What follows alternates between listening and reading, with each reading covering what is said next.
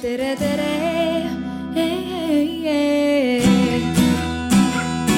Eestimaa.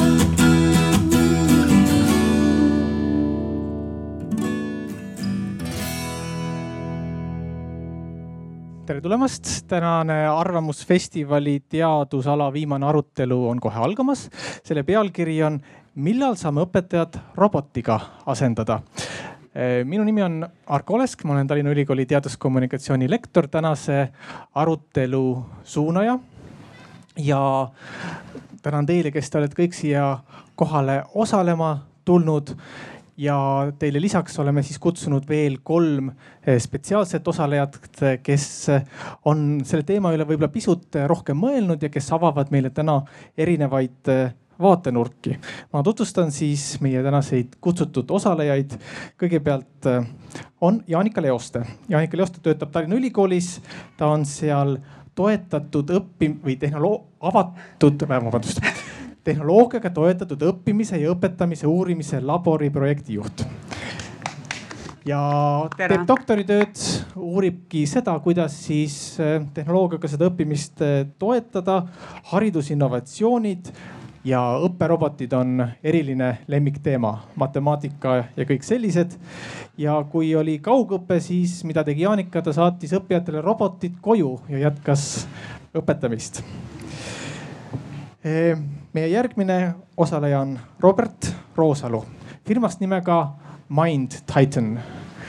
firma, mis tegeleb eh, tehisintellekti lahendustega ja tema siis aitab seal erinevatel ettevõtetel, organisatsioonidel leida lahendusi, kuidas saaks tehisintellekti oma eesmärkidel kõige paremini ära kasutada. ja meie kolmas kutsutud osaleja, Lauri Kõlamets on Tartu Raatuse kooli loodusteadusliku aineke, ainete õpetaja, ühtlasi Tartu Ülikooli doktorant haridusteadustes. ehk siis eh, põhialad keemia ja füüsika, ka programmeerimine ja uurinudki just eh, sellist eh, disainipõhise õppe rakendamist ja ka siin koroonakriisi ajal siis tegi erinevaid õppevideosid Youtube'i ehk siis kõigi, kõigi nende abil me loodame täna äh, natukene edasi liikuda selle küsimusega, et millal me saame siis õpetajad asendada robotitega. nagu te panete tähele, siis küsimus on millal, mitte, mitte kas. Ja alustuseks äh, ma küsiksingi kõigi teie käest esmalt, et kui paljud teist arvavad, et noh, ütleme lahkelt viiekümne aasta pärast, aastal kaks tuhat seitsekümmend meil ei olegi enam õpetajaid niimoodi isikutena, inimestena, vaid ongi robotid, tehisintellektid, kes äh, koolides meie lapsi harivad. kes arvab niimoodi? Mitte keegi. aga kes arvab, et aastal kaks tuhat seitsekümmend ei ole robotitel üldse koolides kohta, et kõik ikkagi on endiselt väga inimlik, inimesesõbralik ja tehnoloogia hoitakse kooliruumidest väga-väga kaugele. kas keegi arvab seda? ehk siis tundub, et konsensus on selles, et äh, mingisugune roll tehnoloogial ja robotitel koolis siiski saab olema. ja küsimus on pigem selles, milline siis. ja, ja enne kui me siin päris äh, äh, alustame arutelu, siis võib-olla niimoodi terminoloogilise täpsustusena, et kui me räägime robotitest, siis me ei mõtle lihtsalt ainult neid äh, ringi vuravaid ratastega masinaid, mida näidatakse messidel ja müüakse mänguasjadena. me mõtleme robotite all laiemalt intelligentseid või, või tehisintelligentseid arvutisüsteeme ehk siis niimoodi masinõppe algoritmid, selline tarkvara, mis on suuteline äh, õppima, olgu ta siis selle inimnäolise seadme sees või, või olgu ta arvuti sees või, või kusagil mujal. kui me räägime robotitest, siis me põhimõtteliselt mõtleme tehisintellekt süsteeme ja, ja masinõppesüsteeme. ja see korralduslik tähelepanek võib-olla ka, et nagu te märkate, meil on siin selline mikrofon, mis on üsna hõlpsasti visatav, lennutatav. ehk siis, kui kellelgi on vähegi soovi sekkuda sellesse aruteludesse, tehke ennast nähtavaks ja me lennutame selle mikrofoni teie juurde, et te saaksite välja öelda, mida soovite. just sellel eesmärgil me olemegi siin püüdnud olla natukene rohkem sõbralikult ringis, mitte meie ei page telgi alla, ei lase teil siin lageda peal olla, vaid püüame olla võimalikult lähestikku. olgu, aga liikudes põhiteemani, siis tõdenud, et mingisugune koht robotitel tehnoloogial koolis olla saab. me peaksime võib-olla alustama ikkagi küsimusest, et mis asi see kool on? et me kindlasti jõuame ka täna korduvalt ja korduvalt selle tõdemuseni, et tehnoloogia või robotid kui selline ise ei ole midagi sellist, mis päästab kooli või, või asendab õpetajaid. oluline on see, et kuidas seda kasutatakse ja selle juures on kohe järgmine küsimus, et aga, aga mille juures ta siis kõige kasulikum on, ehk siis milline on see ideaalne kool. ja kui me selle sõnastame, siis me hakka, saame hakata leida neid viise, kus siis see tehisintellekt saab seal kasulik olla. niimoodi, et ma võib-olla paluksin kõigepealt meie osalejatel sõnastada, et mis on, mis on nende jaoks see see ideaalne kool või, või haridussüsteem, mis toetab kõige paremini õppimist? Jaanika no mina võib-olla saan kõige rohkem kaasa rääkida nüüd kõrghariduse teemal. aga ma jätaks seda robotit ikkagi nüüd välja, et, et kui me nüüd toetame seda õppimist, siis me peame lähtuma sellest, kuidas näiteks täiskasvanu õpib, et, et mida ta selleks vajab. ja nagu me teame, et siis täiskasvanu puhul on ju kõige olulisem, et tal peab olema motiiv ja ta peab selle kohta juba natuke midagi teadma, mida ta tahab. ja üldjuhul noh, täiskasvanu on selline hästi kasulik tagaajav loom või siis niimoodi indiviid. et, et see peab talle mingit kasu tooma, on see siis niimoodi heaolu, on see rahaline ja noh, toome sinna selle roboti sisse et eh, mida see robot nüüd selles kontekstis saaks tal aidata paremini teha kui teine inimene, kes siis täiskasvanule oma elukogemust jagab. aga annan edasi tere ka kõigepealt, et äh, minu nägemus koolist, mis kõige paremini õpilast toetab, on, et äh,, et õpetajal oleks äh, palju aega individuaalselt õpilastega tegeleda. ja siin kindlasti tehisintellekt saab aidata, äh, sellest me kindlasti räägime veel palju täna äh,. siis teine punkt oleks, et, äh, et õpilaste nõrkused leitakse hästi varakult üles, et need ära lihvida, et need ei, ei, ei kuhjuks, mis on paljudel mõndadel õppeainetel nagu vähem, vähem kriitiline, aga näiteks matemaatikas see, ma arvan, saab paljudele saatuslikuks, et lihtsalt hakkas, hakkas kuhjuma ja ei saanudki sealt nagu, sealt välja ja et et äh, oluline oleks siis need võimalikult varakult üles leida ja, ja ma arvan, et ka siin saab tehisintellekt aidata äh,. kolmas punkt oleks siis äh, äh vastupidine eelmisele, et, äh, et leida üles võimalikult varakult õpilaste tugevused. Äh, ja et neid siis võimendada võimalikult, võimalikult efektiivselt.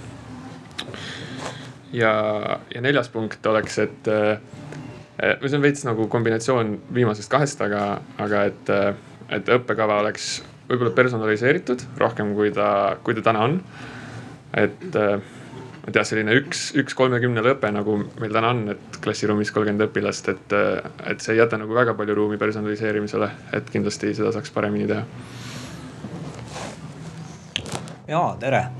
minu nägemus on pigem selline, et äh, haridus võiks olla võrdne personaalmeditsiiniga, et ongi personaalharidusega tegeletakse, see, kes seal laps õpib äh, koolis füüsikat kolmandas klassis ja matemaatikas on samas seitsmendas või inglise keeles on teises klassis ja ja liikumisõpetus on võib-olla koolis tegevuse lõpetanud. et selline võiks see nägemus olla et täiesti võrdväärne personaalse meditsiiniga, et kui tänapäeval enamasti pannakse hästi palju sellist äh, diagnoosimist äh, niimoodi no pealt vaadatuna meditsiinis ka endiselt, aga siiski kõik nõuavad, et teeme ikka selle vereproovi ka ära, et, et ainult sümptomite põhiselt ei paneks, et, et siis võiks ka laste puhul olla seal tulevikus aastal kaks tuhat seitsekümmend selline võimalus, et äh, et olekski ära personaliseeritud tema nii nagu ennem siin sai räägitud motivatsioonist, et, et kuidas, millised ja mis asjad äh, ajus panevad teda motiveeritult tegema, et mis on need äh, teemad, tegevused, sõnad või kellega koos ta tahab seda teha, et, et ta töötaks nende eesmärkide nimel. see on natukene seesama asi, mida meie soojendusbänd ehk siis noored väitlejad siinsamas enne rääkisid, et, et, et õpetaja vajab tegelikult tuge ta vajab tuge, et saavutada neid, neid eesmärke. praegu läheb väga palju tema ajast mingitele tüütutele või ütleme sellistele tegevustele, mis ei luba tal teha seda, mida ta tegelikult tahaks teha. ehk siis toetada õppijat, ehk siis võimaldada talle ka just sedasama personaliseeritust. Et kas see on, kas see on umbes see, mida sa mõtlesid, Lauri? jah, ma ütlen küll jah, no praegu oleks seda isegi võimalik teha, et kui me vaatame inimese aju, et äh, ajurakkude vahel nende neuronid, nad ei ole päris, ütleme niimoodi, kokku ühendatud. et ühel pool on akson, teisel pool dendriit ja kui toimub ülekanne, signaali ülekanne, siis vabaneb seal selline noh, virgatsaineks nimetatakse seda. aga neid on kuskil kakssada, aga ainult äh, kolm, mis on siis noradrenaliin äh,, dopamiin ja serotoniin, nemad on seotud siis sellise motivatsiooni, õppimise ja tahtega. Äh, need, mis mis toimuvad meil siis, kui me tahame midagi õppida ja millest me oleme huvitatud et kui me suudaks nüüd tulevikus ütleme, magnetresonantstomograafia on seal kogu aeg sul peas. ja me näeme, et mis on need sõnad või tegevused, mis panevad just nimelt need asjad seda virgatsainet eraldama. et siis me saame ka suunata teda rohkem, et kui sa füüsikas näiteks, füüsikatunnis seal kuuled näiteks sõna jaht, laev, keegi ütleb, ma ei tea, Netflix, oo Netflix. see lõi nagu pling on ju, et, et siis, siis need kohe võib-olla see tehisintellekt teekski talle kõik ülesanded sellised, et, et need ongi seal Netflixi teemalised, et ta ongi rohkem selles teemas. aga, aga ta õpib läbi enda motivatsiooni, just anna mulle tagasi et äh, ma loodan, et peale tänast üritust te siis lähete ja guugeldate ja leiate ülesse selle Hiina kooli eksperimendi, kus kõikidel on ajuskännerid peas, õpetaja jälgib ilusasti siis neid ajulaineid.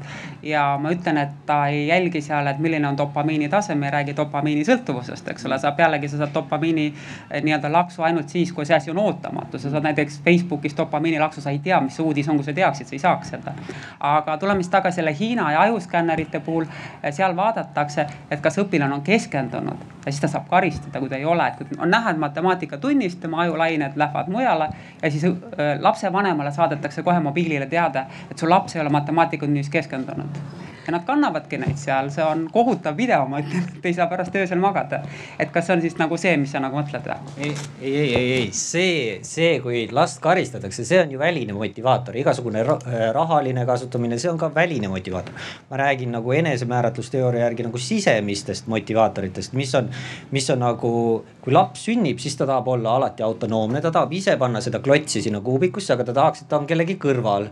et, et ta oleks kuskile kuuluks ja ta, ta tahab olla pädev, et ta tahab osata seda klotsi sinna panna. et need on need, mis igal inimesel tegelikult on loomu poolest ikkagi olemas, et inimene ei, ei ole, ei sünni täiesti laisana, nii et ta jääb laisaks. tal ongi siiski ikkagi geneetiliselt nagu suunatud tegevus. et samamoodi ka õppimises näita mulle laps, kes tahab, et talle see ajuskänner pähe pannakse ehk see on seesama asi, võib-olla olekski hea nüüd sulle see teema edasi anda. et kui me tahame ju kaardistada, mõõta ja analüüsida, kuidas on see nii, et on märkamatu, et me ei pea ennast džippe või skännerit täis toppima ja ma arvan, see ajuskänner on natuke liiga invasiivne siin nende laste jaoks praegu, et äh, no näiteks tähelepanu on äh, mõõdetud näiteks äh, selle järgi, kuhu suunas sa vaatad, et ja kuidas su pilk liigub ja ja noh, kui sa, ma ei tea, vahid oma küüsi kogu aeg, siis noh, sind väga ei huvita see tahvel ja, ja nii edasi. et, et noh, üks, näiteks see, äh, seda saab isegi teoorias nii teha, et keegi ei teagi, et mingi kaamera kuskil vaatab teda.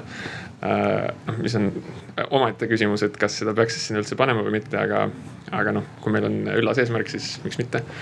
Äh, ja, ja siis need noh, seda seda teist profileerimist, et mis siis, mis siis nagu lapsi siis noh tiksuma paneb või mis neid motiveerib, et et ma arvan, et siin saab igasuguseid, ma ei tea, lihtsalt teste teha või, või siis nagu jooksvalt vaadata, et, et sa nagu katsetad ja, ja sa nagu logid maha kõik, mida sul õpetaja räägib ja, ja näiteks klassifitseerida ära, et mis see tema see hetke nagu õpetamise stiil on ja siis, ja siis mõõdad, et kuidas, kuidas nagu mingid lapsed sellele reageerivad. et ja noh, sa võid mõõta seda siis sellesama tähelepanu järgi või või, äh, või noh, nende tulemuste järgi, äh, kui on, ma ei tea, mingid minikontrolltööd, näiteks tunnikontrollid. Ähm, jah, ja siin võib ka midagi sihukest olla näiteks, et äh, ma ei tea, et lapsed saavadki jooksvalt tagasisidet anda, et, et kui lõbus neil hetkel on. näiteks saavad mingi, ma ei tea, panna mingi tahvli pealt, et tahvelarvuti pealt, et mul on igav praegu või midagi, et noh, see võib vabalt täiesti sihuke läbipaistev ja aus tagasiside olla ka, et et see on siis tagasiside nagu õpetajale nagu tema enda tunni kohta ja, ja siis äh, ja siis õpetajale, et noh, mis, mis mingeid lapsi nagu motiveerib või mitte ja, ja nii edasi. ja selle pealt ta saab siis ehitada enda nagu tundi paremaks ja, ja ühtlasi ka natuke juba seda personaliseeritust sisse tuua, et. et, et ma ei tea, kui mingi laps, kes nagu noh, ütleme, et mingi teine süsteem ütleb talle, et kuule, et see laps siin nagu tal tulemused lähevad järjest halvemaks, et. Et või isegi ütleme näiteks mingi grupp on ju, et siin on mingi grupp, kes läheb nagu järjest kehvemaks on ju, et et siis ta võib-olla peaks nagu nende sellele motivatsioonile nagu rohkem optimeerima, et, et oma, oma, oma seda tundi nagu konstrueerima nii, et just sellel grupil nagu paremini läheks. et õpetajal on nagu kogu aeg mingid, mingid meetrikud, mida ta jälgib, et, et praegu sinu see riskigrupp siin on nagu üli, üli, ülivähe motiveeritud, et, et nagu sellega peaks nagu tegelema, et jah ma, ma kuulan teid ja see, mida te kirjeldate, on see, et nii-öelda põhimõtteliselt abivahend õpetajale, kes ütleb, et see laps on selline, see laps on teistsugune, temaga võiks, võiksid teha asju niimoodi, temaga teistmoodi, et, et see on siis nagu nii-öelda see individualiseeritum õpe vabandust, mul on nagu küll jäänud mulje, et see tehisintellekt võiks olla natukene võimsam või noh, nagu suutlikum. et, et mitte seda, et lihtsalt öelda õpetajale, et tehke nii või teistpidi, et ta aga kas ta võiks ikkagi olla nagu reaalselt mingite ainete õpetaja? ma mõtlen seda, et see tehisintellekt, kui tal on kõik see info käes, ta saadab sind suunata, sa saab suunata sellesse, et, et näiteks, et et ma õpingi, kui talle meeldib mingi teatav huviala, näiteks on see kitarr või sport või ükskõik mida, et ta õpib seda õppeainet just täpselt selles valdkonnas et ta toetab ja aitab, ta ehitab tema õppekava üles kõik sellele, et, et need tohutud kogused andmeid, ta lihtsalt töötab need ümber. ja see intellekt äh, praeguses süsteemis siis suudab lihtsalt selle personaalsuse üles leida, mis teda paneb selles motiveeritud suunas liikuma no väga hea, kujutame ette siis, mina õpin sporti algoritmiga tänases võimekuses, mina õpin keelt, eks ole. Ja noh, minu küsimus päris tihti on oma algoritmidele see, et kes selle sisu tegi. Et noh, toon näiteks, et ma Duolingos õpin kolme keelt ja see sisu, mis seal on, ütleme, et kui mina õpetajana peaksin selle tundi tooma, ma peaks need tunnid ennekõike ikkagi ise läbi tegema, sest noh praegu ei ole küsimus selles, kui kiiresti see algoritm sulle midagi ette võtab, et ei ole vahet, kas see algoritm kontrollib, kas ma oskan ilusasti hispaania keeles toksida, et too mulle veel üks külm õlu, eks ole. küsimus on selles, et kas ma peaksin selle tundi viima.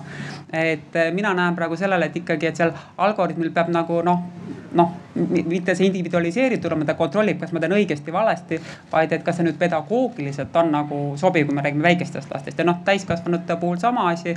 no toon siis sellesama näite veel, et mina vahetan algoritme ja ütleme nii, et ma alustasin keeleõpet, ma ei julgenud Google Translate'i kasutada, sest ma ei olnud kindel, mida ta mulle tõlgib.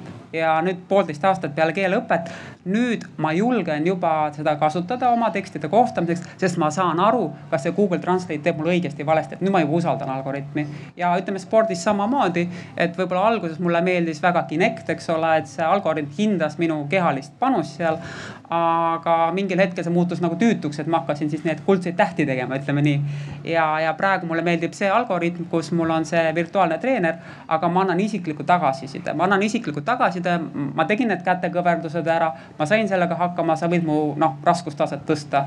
et, et see on nagu see kontekst, et, et ikkagi me ju enne ka rääkisime, et algoritm aitab midagi kiiremini teha, aga, aga see sisu pool, et kes siis selle välja mõtleb Äh, ma arvan, sisu poolt äh, meil on palju inimesi, kes suudavad välja mõelda, aga, aga ja noh, programmeerida ära ja kasutada seal masinõpet ja algoritmikat ja kõike, et, et see nagu justkui võiks toimida. aga, aga siin hakkavad juhtuma sellised asjad, et äh, sul on nagu klassitäis mürsikuid ja nad lihtsalt ei kuula su robotit. et noh, see vajab kindlasti inimlikku lähenemist, noh, seal peab keegi nagu nii-öelda karjataja nagu olema siis okei okay,, noh, ta võib neid karjatada, aga siis noh, ma ei tea, sul kolm last klassist ei saa näiteks aru sellest, mis see programmeeritud või masinõppega treenitud programm nagu õpetada üritab, et, et noh, ma arvan, kõik siin on olnud, või vähemalt mina, äh, sellises olukorras, kus äh, nagu õpetaja seletab sulle nagu kolm korda mingit asja. ja ta peab nagu päris loovalt lähenema sellele, et sa nagu lõpuks aru saaksid, et äh, et ja just selline nagu loovus, et äh, seda on nagu masinatele väga raske õpetada, noh põhimõtteliselt võimatu praegu ja ma ise olen väga pessimistlik, et see lähiajal võimalikuks saab. ja, ja just selline noh, kuna õpetajaamet minu meelest on nagu sihuke päris palju loovust nõudev äh, no võib-olla mitte nagu kogu aeg on ju, et suur osa sellest võib-olla on mingi algoritm, et noh, näete, loen ette teile, teen siia tahvlile ja nii edasi, aga noh, siis ongi, et kui õpilased nagu päriselt lahendama hakkavad või juurde uurima, et siis, siis noh, sul on vaja nagu äh, sihukest äh, isiklikumat ja nagu loovamat lähenemist, et äh, et jah, ühesõnaga meil võib teoreetiliselt olla seal see masin, mis neid kõiki õpetab, aga tal on ikkagi vaja nagu väga noh, põhimõtteliselt õpetaja treenituse ja haridusega nagu karjast. mis ongi sisuliselt õpetaja ja nagu noh, siis ta ongi seal no meie ülikoolis on ka üks projekt, kus siis filosoofia doktor uurib seda, et kuidas armastuse robot käib koos jaapanlastega. ja no ilmselt loodetavasti ka varsti need tulemused tulevad, aga nii vähe, kui ma olen juba projektiga tutvunud, ma saan aru, et mida rohkem on sellel algoritmil juba midagi juures, kasvõi nägu või, või, või, või kus nagu see keha hakkab juurde tulema, et siis see noh, engagement, see haaratus sellel teisel poolel kestab kauem. nii et noh, see on hea küsimus, eks ole, et kuivõrd väga see algoritm mind köidab, aga kui me juba natuke paneme sinna humanoidi juurde või nägu juurde. et see ikka ei ole niimoodi, et sa sellele algoritmile nagu keha ümber ei pane. aga kui me nüüd räägime sellest, et millal saavad asendada, ma küsiks, et kõigepealt, millal nad saavad hakata koos õpetama või millal nad saavad hakata assisteerima. ja nüüd selleks, et midagi vahetada millegi vastu, äh, ma küsin, et kui levinud sa oled ja õpetaja on üldse Eestis koos õpetamine, et koos õpetamine kui pretsedent, et äh, noh, et see robot võiks olla see teine õpetaja, aga kas me oleme täna valmis, et pidada üleval kahte õpetajat? Äh, ma arvan, et täna oleme valmis küll, et uued äh, koolid, mis renoveeritakse praegu, hästi palju kasutatakse avatud õpimaastikke. et seal on just see kasvulava, kus saab neid äh, nii-öelda team teaching uid ehk siis mitme õpetajaga õpetamist rakendada. et muidugi kindlasti, kui, kui ütleme, kui rääkides nüüd sellest võimalusest, et, et see ütleme, õppimises on vaja kahte tüüpi oskuseid koolis, et ühed on sellised madalamad kognitiivsed oskused, millest saadakse baasteadmised, näiteks, et sul on mingid ülesanded, kus sa täidad lüngad, kus sa õpid äh, kirjutama lihtsalt äh, mingi tabeli järgi mingeid vastuseid ja siis on mingid kõrgema taseme asjad, kus sa nüüd pead analüüsima, viima läbi katse te, tegema siis analüüsi sealt, reflekteerima, mis sa tulemused said. et nüüd neid lihtsamaid asju kindlasti saaks see algoritmiga robot asendada, näiteks ta ütleks sulle kindlasti, et, et kui sul on vaja seda korrutustabelit õppida seal kaks pluss kaks on ju, küsib lapse käest, kui palju on kaks pluss kaks. laps ütleb kolm, siis robot ütleb, et ei, parandus, see on neli et eh, ahah, okei okay,, proovime uuesti, et neid lihtsamaid asju ta saab õppida, on ju. aga seda, et kui laps peab käima poes tegema mingeid teisi tegemas, vaatama, kas tal raha on, kui see on juba selline asi, siis seal enam algoritm asendada ei saa, aga ma ütlengi, et seda lihtsamates asjades me saaks suunata neid õpetajaid, kui on just see väga lihtsama asja õpetamine, seal võib see tehisintellekt õpetada. ja nüüd, kui on vaja seal sünteesi, analüüsi, kus on vaja seal õpetajal olla toetav, empaatiavõimeline laste suhtes, seal me saaks juba kasutada seda kahte õpetajat, on ju, et seda ressurssi on küll ma lihtsalt võtan ühest sõnast kinni, et noh, see on õpetaja, et kas me peame üldse korrutustabelit enam peast teadma, kui meil on robotid? Või me lihtsalt võime ütelda robotile, et ütle kaks korda kaks. Me võime seda teha küll ja, aga ennem selle jaoks äh, peab laps veel õppima, et äh, roboti käest küsima. Et kui palju on kaks pluss kaks ja see oskus on päris suur, praegune allika kriitilisus, et kas sa usaldad seda robotit või mis info sa saad, see on praegu päris oluline et äh, aga endiselt praeguses õppekavas on ta endiselt kirjas jah, esimeses kooliastmes tuleb ta omandada. et, et selles suhtes küll. siin veits koorub välja selle eraldi teema, et äh, mida üldse õpetama peaks nagu, et, äh, et jah tuleks korra ühe eelmise mõtte juurde, et et, et jah, et ma, ma, ma arvan, et ei peakski üldse panema nagu eesmärgiks, et meil on jubedalt vaja nagu õpetajaid nagu ära asendada masinatega, et, et pigem sellest mõelda äkki nii, et et noh, mis see nagu kõige efektiivsem nagu inimese ja masina sümbioos on, et, et tänapäeval ja veel nagu ma arvan, et päris pikas lähitulevikus nagu kõige suurem edu tehisintellektiga ongi see, kus inimene ja masin nagu sümbiootiliselt tegutsevad.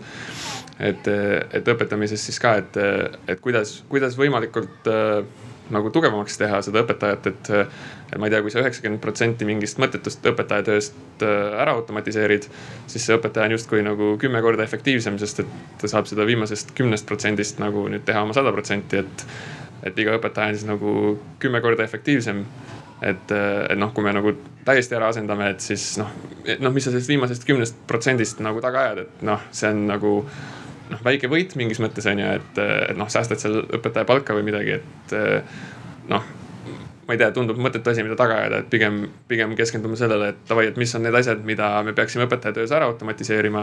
nii et, et õpetaja oleks siis kümme korda efektiivsem ja selle kaudu siis noh, haridussüsteem kümme korda efektiivsem. ja noh, paralleelselt võiks siis muidugi küsida, et davai, et mis see, mis see õppekava siis nagu olema peaks, aga, aga ma ei tea, kuhu teemas see praegu on no mulle ikka meeldivad robotid, millel on nagu füüsiline väljendus, eks ole. mulle algoritmid nagu ei meeldi, sest algoritm on roboti sees niikuinii, eks ole. aga tööstuses, eks ole, on ju kolm põhjust, miks me roboteid kasutame ja väga palju kasutatakse. et esimene on siis see, et see töö on väga raske. no näiteks need autotööstuses sa ei tassi asju. nii et mida väga rasket siis õpetaja tassib täna teine asi, et see töö on väga ohtlik, eks ole, me saadame pommi kahjutuks tegema või saadame marsile, et mis on täna õpetaja töös nii ohtlik, et me peame roboti tema asemel saatma. ja kolmas, et mis on selles õpetaja töös nagu siis nii rutiinne ja korduv, et meil ei ole vaja õpetaja aju kasutada. et see on nüüd, ütleme, see on see tänane tööstusrobootika võimekus, et nagu me teame et läbi sajandite ei ole haridusinnovatsioon tulnud ju kooli kusagilt haridusest, vaid ta on tulnud alati tööstusest. ja pigem ei ole ju küsimus, et kas asendada mitte asendada, me teame, et kui see innovatsioon on hea, ta tuleb. võib-olla trükitööstus tuli seal paarsada aastat ja ta muudab alati midagi, mida tegelikult trükitööstus muutis, muutis seda, et sai ise õppima hakata raamatute abil ei pidanud enam kirikukooli minema, eks ole. nüüd, mida muutis elekter elekter muutis ju seda, et sai õppimistunde pikendada, sa said pimedas õppima hakata, eks ole. et need tulid juba, see tema tuli juba kiiremini elekter sisse. aga kui me nüüd mõtleme, kui kiiresti tulid arvutid sisse, see võttis natuke üle kümne aasta aega, eks ole, noh kui hästi või halvasti. ja nüüd ongi küsimus selles, et, et eh, ega need robotid tulevad niikuinii, eks ole, nüüd on küsimus, kui kiiresti nad tulevad. ja nad tulevad ju sellest tööstusrobootikast, eks ole. et, et kas nüüd, mis see vahefilter on, mida see eh, haridus nüüd sinna vahele paneb? Minul on selline küsimus, et siin täna esimene arutelu siinsamal alal oli ka matemaatika õpetamisest ja siin varemgi on arutatud selle üle, et tegelikult äh, praegu suure osa, suur osa koolist, haridusest, õpetamisest ei lähtu sellest, kuidas lapsed õpivad, nendest psühholoogilistest, neuroloogilistest protsessidest, kuidas toimub õppimine. et et siin needsamad ka meie ülikooli hariduspsühholoogid Tallinnast on, on väga palju tähelepanu juhtinud sellele, et, et nii-öelda ka, ka õpetajakoolitus peab muutuma, et õpetaja oleks, teaks, kuidas lapsed õpivad. ehk siis ta suudaks õpetada lähtuvalt nendest protsessidest ja ja, ja siis no, olekski see teadmine jõuaks kohale, mitte inimene ei õpiks mehaaniliselt mingeid asju pähe või ta ei õpiks äh, niimoodi, et tal nagu kogu see lust ära kaob, vaid ta tõesti saaks asjadest aru. ja minu küsimus on selles, et, et järsku, et see on see koht, kus, kus me saaksime tuua sisse tehisintellekti. sest kui meil on algoritmid, mis saavad aru, kuidas inimesed õpivad, siis selle kaudu äh, me saamegi äh, niimoodi viia need teadmised paremini kohale, sellepärast et äh, ühelt poolt need inimõpetajad võib-olla kõik ei oskagi seda. ja teisalt meil Eestis, ega neid vist ei jätku ka enam väga palju, et demograafiliste äh, siirete tõttu, et, äh, et, et, et teeme, teeme siis sellise tehisintellekti, mis, mis teab, kuidas inimene õpib ja, ja saadame nad koolidesse, sest need näited on meil tegelikult olemas, needsamad keeleõppeprogrammid, millele sa viitasid. Need on kõik üles ehitatud nii-öelda vähemasti väidete kohaselt algoritmidele, mis tõesti jälgivad kuidas sa vastad, võtavad arvesse neid õppimise mehhanisme ja, ja selle läbi siis äh, arendavad sind. kas, kas see on nüüd liiga utoopiline, mis ma välja pakkusin? pigem jah, et, äh, et mulle tundus siin nagu see küsimuse tuum oli nagu see, et meil on vaja aru saada, kuidas inimene õpib, et äh, ma noh, ma ei ole nagu liiga kursis, kas, kas see on nagu suur lahtine küsimus teaduses või see on mingi, et me teame, et meil on mingi kümme klassi või sada või mis iganes. ja nüüd meil on vaja ära klasterdada või noh, klassifitseerida, et, et sina õpid nii, sina õpid nii.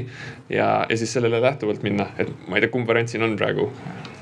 ma pigem mõtlesin neid, neid üldiseid neuro, neuroloogilisi õppimise mehhanisme, mis vist on paljuski teada ja on teada ka see, et, et paljuski sellest, mis toimub praegu koolis, kuidas õpetatakse, ei võta arvesse neid mehhanisme no,. Okay. siis kindlasti pigem saab, et, et siis on vaja äh, ära kaardistada, need äh, meetodid panna nagu algoritmidesse kirja ja koguda andmeid, et, et mille järgi neid nagu tuvastada saab. ja jah, ma arvan, et ma arvan, et see on nagu lähitulevikus võimalik küll. et noh, see on seesama personaliseerimise teema, et, et millised õpimustrid siis kellelegi sobivad ja, ja siis robot nagu tuvastab neid.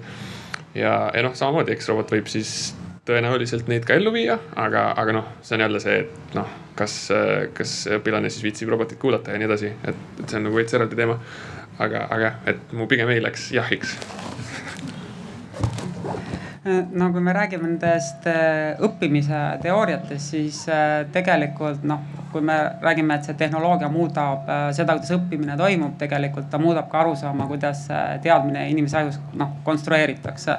ja tegelikult iga tehnoloogiline hüpe on siis toonud selle uue uskumuse, et kuidas siis õpilane, täiskasvanu laps õpib ja praegu siis noh, viimane millest siis meil kõik lähtub, on see, et, et ma konstrueerin selle teadmise siis ise, mis mul on, aga ma ei konstrueeri üksi, vaid see on see alati see mõju, et kus ma õpin, kuidas ma õpin, kellega ma õpin, et ma panen kokku.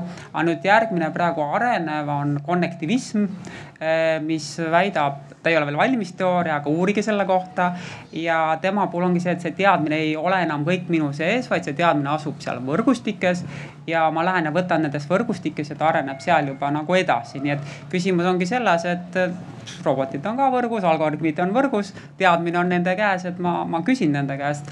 aga no mina ei saa ikka see, et sellel algoritmil ei ole seda keha ümber selles mõttes, et et senikaua, kuni see algoritm asub seal ekraanil, mina ei suuda seda ekraani nii palju vaadata. ja teine on ka see, et, et inimene ju ei õpi koolis ainult teadmisi, vaid ta õpib, valmistub eluks, ta valmistub kodanikuks ühiskonnas, et mis meil seal alguses see diskussioon ka oli. et kui mind õpetab robot, et siis ta õpetab mind robotiks, et, et tegelikult seal on nagu väike tõepõhi all, et. et, et, et me ikkagi sellest inimesest vajame nagu, nagu, nagu midagi, et mis see on siis, mida me, mida see robot ikkagi nüüd kohe ei asenda no selles suhtes, et see sõltub ju, kuidas see algoritm kirjutada, et meil on oluline jah, tõesti inimest kasvatame ette eluks, aga eluks, mida otsivad tööandjad on ju, tööandjad tahavad, et see inimene oleks praegu meeskonnamängija siis et ta oleks allikakriitiline ja et üha globaliseeruvas maailmas ta suudaks tunda erinevaid kultuure, tavasid, ta oskaks käituda, sest äh, äriajamine ei käi enam ainult Eestis ja Paides, vaid see käib ikka üle kogu maailma juba et selles suhtes, et ta peab olema hästi kiiresti ümberkohastuv ja selles suhtes, et kui see robot õpetabki teda samamoodi, et, et täna vot, et sa õpid äh, keemias perioodilisustabelit, aga homme kui sa liigud sealt edasi näiteks mõne katse juurde, vaat siis neid katseid selle jaoks teed näiteks selle Volli, Pille ja Mallega. et arendada sinu sotsiaalseid oskusi, on ju, et sa oleksid kohaneks, valiks iga päev neid erinevaid inimesi, kellega oleks koos võib-olla motiveeriv õppida, et selle, selle tulemuse saab ju algoritm vabalt ära teha ja see tulevane robot. et äh, siin tundub, et äh et noh, ongi, et õpetame tänapäeval inimesi noh, niisuguseid ettevõtjate jaoks on ju, et.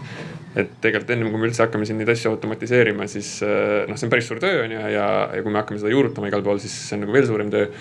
et, äh, et võib-olla jah, et, et ongi oluline, et mille jaoks me siis õpetame inimesi või, või kelleks me neid õpetada tahame nagu, et minu meelest see on isegi, no see ei ole küll nagu praegu see teema, mida me arutame, aga, aga tegelikult noh, kui see teema, mida me praegu arutame, noh päriselt lendu läheb, siis, siis nagu ülioluline on ennem välja mõelda, et, et mida me siis päriselt õpetada tahame, et, et, et jah no aga räägime siis nagu täna, eks ole, et me muudkui kasutame seda algoritmi söögi alla ja söögi peale, eks ole. aga et kui paljud, kui me küsiks praegu, et mis see algoritm on, et kes siis nagu annaks meile nagu hoobilt vastuse, millest me räägime.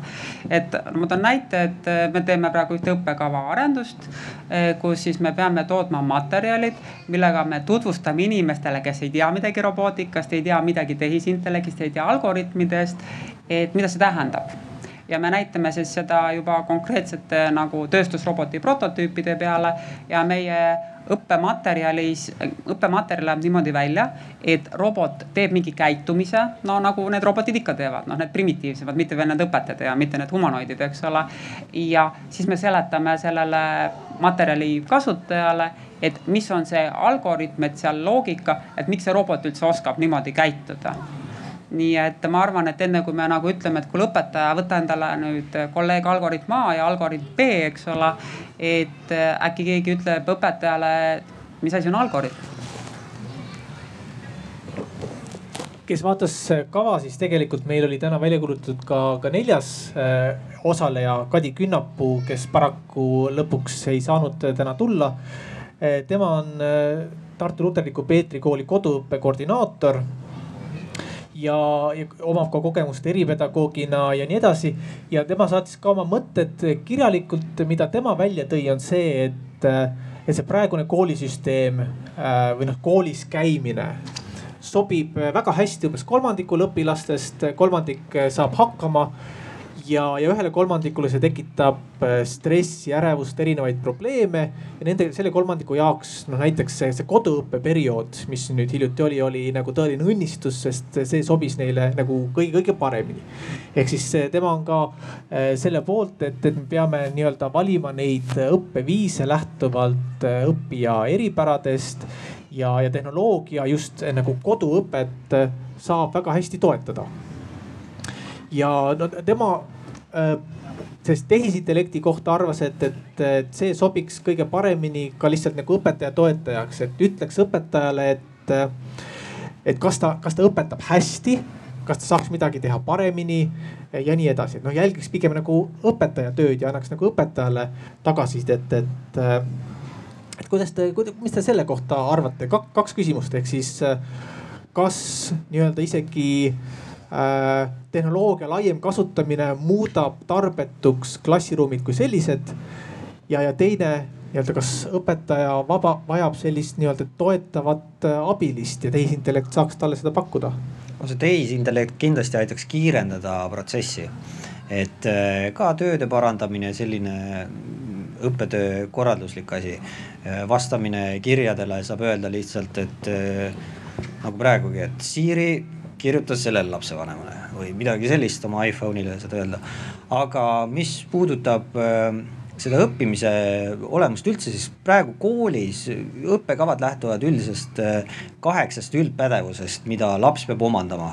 ja neid õpitakse läbi läbivate teemade ja läbivad teemadel siis äh, omakorda on need siduvaks erinevate õppeainete vahel ja siis läbi erinevate õppeainete me peaksimegi need kaheksa üldpädevust omandama millest ainult siis üks on matemaatika, loodusteadus on ju, teised on muud sotsiaalsed oskused, ettevõtlikkuspädevus ja nii edasi. et nüüd võiks muidugi selle tehisintellekti abil mõelda seda, et, et, et koroona mängis siin kätte sellised trumbid, et. et tõesti lastele, kellele sobib selline õppeviis, et näiteks kolm päeva õpib ta kodus selliseid lihtsamaid ülesandeid, mida on vaja teha kasvõi matemaatikas lahendaid võrrandeid, kasvõi selle tulevase, tulevikus siis tehisintellekti abil, praegu on ka see ehm, üks matemaatika äpp näiteks, mis aitab lahendada hästi võrrandeid. Ehm, isegi sa pead ainult pildi tegema sellest ja ta, lahendab selle ära sulle. ja siis kahel päeval saaks see laps koolis käia ja siis arendada oma sotsiaalseid oskuseid läbi siis loov ainete kunst, sport, muusika, kirjandus, need, milleks äh, tehisintellektid äh, võimelised ei ole. Et äh, esimene see point siis, et, et kolmandik on stressis, kindlasti äh, andmeteadus aitaks meil neid nagu paremini tuvastada, et siin saab teha mingeid teste ja, ja asju, mille järgi siis neid tuvastada ja, ja mulle tundub, see oleks üli, ülikasulik äh,, kui me siis niimoodi lahku lööksime need õpilased. et noh, võib-olla siin mingid varjatud probleemid, et nad on siis kuidagi tunnevad ennast eraldatult või midagi, aga, aga noh, see on jälle sihuke noh, kui nad on päriselt seal klassiruumis nagu ärevuses, siis pigem peaks nagu nad täiega omale mugavamasse keskkonda suunama. ja jah, ja nagu algoritmika kindlasti aitaks, aitaks seda nagu efektiivselt teha. ja, ja, ja teine küsimus oli siis, et, et kuidas monitoorida tudengite või nende õpilaste äh, nagu progressi, et, et siin kindlasti robotid aitaksid väga meid, et, et noh, õpetaja, ma ei tea, kui tal ongi noh, kolmkümmend või noh, sadu õpilasi on ju, noh, tal ei pruugi nagu tähele panna, et üks õpilane mingit teemat ei saanud täpselt aru või et mingid mustrid, et, et see teema, mis siit läbi käis kogu aeg, et õpilasel nagu see teema läheb järjest kehvemaks, et, et mingi selline, selline nagu monitooringu abimees oleks, ma arvan, üks esimesi asju, mida saaks teha ja see, see ei olegi võib-olla nii väga nagu kinni selles, et me peame kõigepealt selle, need fundamentaalsed küsimused ära lahendama, et mida me üldse õpetame, et noh tõenäoliselt ükskõik, mida me õpetame, meil on ikkagi ju mingid nagu teadmiste kontrollid noh, ma ei tea, või noh, võib-olla ei ole muidugi, aga, aga noh, kasvõi mingil pehmel kujul, et umbes, et hindeid pole või mis iganes, aga. aga noh, kuidagi sul on ju, või noh, sa võid isegi varjatult teha seda, et, et sa ei ütle õpilasele, et ma nüüd kontrollin sind ja noh, kas saad siis naerunäo või viie või mis iganes, aga, aga et, et noh ütleme, et õpilane nagu täidab mingeid koduülesandeid ja noh, sa saad kasvõi sealt nagu taustal lihtsalt kontrollida, et sul ei olegi nagu fikseeritud punkte, kus õpilase teadmisi kontrollitakse, vaid neid kontrollitaksegi nagu jooksvalt. ja, ja ilma siis selle mingisuguse stressita, et nüüd on nagu aeg, aeg soorituda.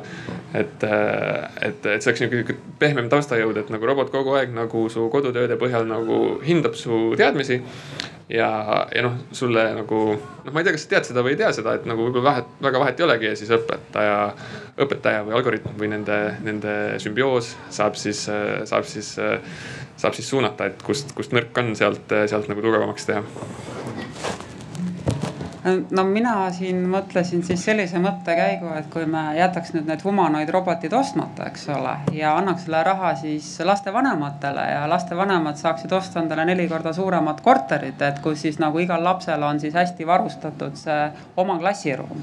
et eh, siis võib-olla polekski vaja, eks ole, neid algoritme. Et eh, selles osas mul on natuke tunne, et me ajame praegu nagu selle pudru ja, ja kapsad ja kõik asjad nagu ajame segamini et, et see nüüd, kuidas individuaalselt õppida ja kohati kodus õppida ja mida koolis teha, et nüüd, nüüd selleks nüüd see algoritm otseselt ei määra.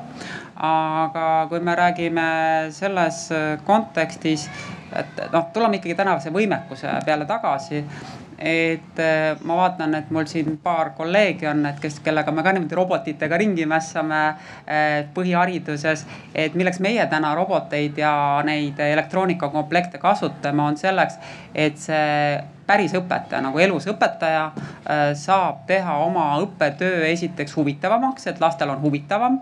ja teiseks ta saab reaalalu, reaaleluliselt prototüüpida ehk ta saab siis nagu ta mudeldab seda viieteist või kahekümne aasta noh tulevikku. et kus ta tegelikult sellel tasemel juba võib-olla siis intelligentse nagu robotiga suhtleb ja seda koostööd teeb. ehk mina hüppaks äh, siis sellest õpetaja ja roboti koostööst. ma isegi hüppaks juba selle õpilase ja roboti koostööle, et kui palju see õpetaja täna muutub täiskasvanuna. aga kui me toome isegi selle, no nüüd mitte nüüd selle viiekümne tuhandese või saja tuhandese roboti, aga kasvõi selle kolmesaja ma ei tea, eurose roboti, millega ta oskab ise algoritmi koostada, temaga, temaga koos ehitada tulevikulinna või mingi vahendi. et, et, et, et siis tal on ka lihtsam edasi teha koostööd selle algoritmiga, kellel ei ole enam seda keha ja keda ta ei juhi võib-olla. et, et, et mina nagu neid asju omavahel ei seoks, et koduõpe ja, ja algoritm, et, et, et need on ikka nagu teised kriteeriumid. okei okay. äh mul on nüüd selline ettepanek, et me, me siin oleme piisavalt rääkinud. tahaks nagu kuulda teilt ja mitte niisama külmalt, vaid, vaid tegelikult võiks teha niimoodi, et äh, vaatate oma naabri poole, kas te tunnete teda või ei tunne, et tekit-, tekitate sellised väikesed rühmakesed, äh, kaks-kolm-neli inimest ja, ja siin paari minuti jooksul arutage lühidalt omavahel, et äh, mis on siis tänases koolis sellist mida me suurepäraselt võiksime anda robotitele teha ja mis on seal sellist, mida nagu mitte mingil juhul kindlasti masinatega asendada ei saa. ehk siis äh, paar mõtet, mille me võime lahkelt robotitele ulatada ja mida kindlasti mitte, et et arutage pisut, tehke väikesed grupid ja siis me pärast laseme selle siit ringi käima, et igaüks saab kiirelt need kaks mõtet välja öelda. nii, ma, arutelu küll käib siin elavalt, aga, aga püüame nüüd kokku võtta ja ma viskan selle mikrofoni liikuma, et püüame siis kõik need väikesed rühmad siit nüüd äh, läbi käia, võib-olla alustame siitpoolt. nii, kes püüab? võtan selle mikrofoni. ma kõigepealt tutvustan Andres Seire, siis Tallinna Tehnikagümnaasiumi haridustehnoloog, robootikaõpetaja igapäevaselt. ja meie siin arutasime, et äh, kindlasti see humanoidrobot või siis kooli väga tuntud tehniline robotõpetaja mis võiks olla igas koolis üks selline olemas. et mina võtaks ta oma äh, õppetundidesse kui abiõpetajana ja ma näen tõesti, et ta on väga teretulnud minu tundi ja minu töö kergeneb poole võrra vähemalt. et ma olen täiesti selle poolt. ja siis me arutasime siin, et tuli nagu neid ette, ettepanekuid, et igas koolis võiks tõesti olla see üks, üks selline tehniline humanoidrobotõpetaja, et ta on väga populaarne ja kuhu ta siis sellel päeval tundi läheb, onju. jah. aga, aga, aga mis, mis ta siis teha võiks, mis on see, mida saab siis robotile üle anda? no näiteks siin me arutasime, et tal võiks olla kõhu peal suur ekraan näiteks ja robootikasse ta kindlasti sobiks. ja, ja näiteks bioloogiatunnis tal võiks olla kõhu peal suur ekraan ja siis ta näitab, ütleme õpilasele, et loe nüüd siit täpselt need lõigud ette näiteks niimoodi ja siis õpilane siis peab sealt õppima ja midagi analüüsima ja vastama näiteks robotile või küsimusele, et, et ta sobiks ka bioloogiatundi väga hästi äh,. aitäh, nii liigutame selle mikrofoni edasi. juhuu on okei okay,, kui ma räägin? okei okay. ähm,, meie esiteks me mõtlesime, et äh, meil kooliga mingit seost ei ole, ise käisime koolis üle kümne aasta tagasi.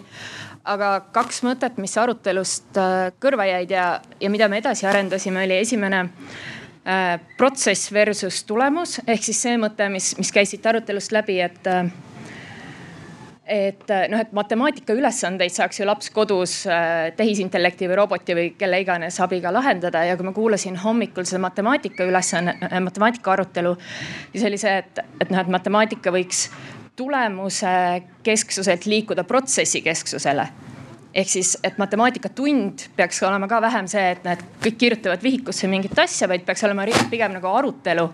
et, et kuidas me jõuame selle tulemuseni või et kuidas sina tegid, kuidas sina tegid. ja noh, et, et kui nagu näiteks matemaatika õppimise olemus niimoodi muutub, et kus seal siis on see tehisintellekti koht, on ju et kui ta läheb rohkem arutelu keskseks. ja siis teine mõte, äh, mida me arutasime, oli äh, nende tulemuste mõõtmisega seoses. et noh, et tehisintellekti äh, roll võiks olla tulevikus on ju see, et, et ta mõõdab, et kuidas, milline on see õpetaja performance, milline on õpilase performance ja, ja jõuab mingitele järeldustele ja, ja olles ise hariduselt antropoloog, siis ma olen nagu puhta kvantitatiivse mõõtmise suhtes siin hästi skeptiline onju et, äh, et see tehisintellekt, sul tegelikult ei tea, miks Jukul nädal aega on äh, ma ei tea, füüsikatunnis halvad tulemused, võib-olla Jukul, ma ei tea, suri vanaema ära, tal on mõtted hoopis kuskil mujal, et see ei ole selles, et ta ei saa materjalist aru. see on selles, et tal on midagi muud ja, ja, ja noh, seda nagu teadmist see tehisintellekt sulle ei anna. Et äh, need olid need mõtted, mis meil siit läbi jooksid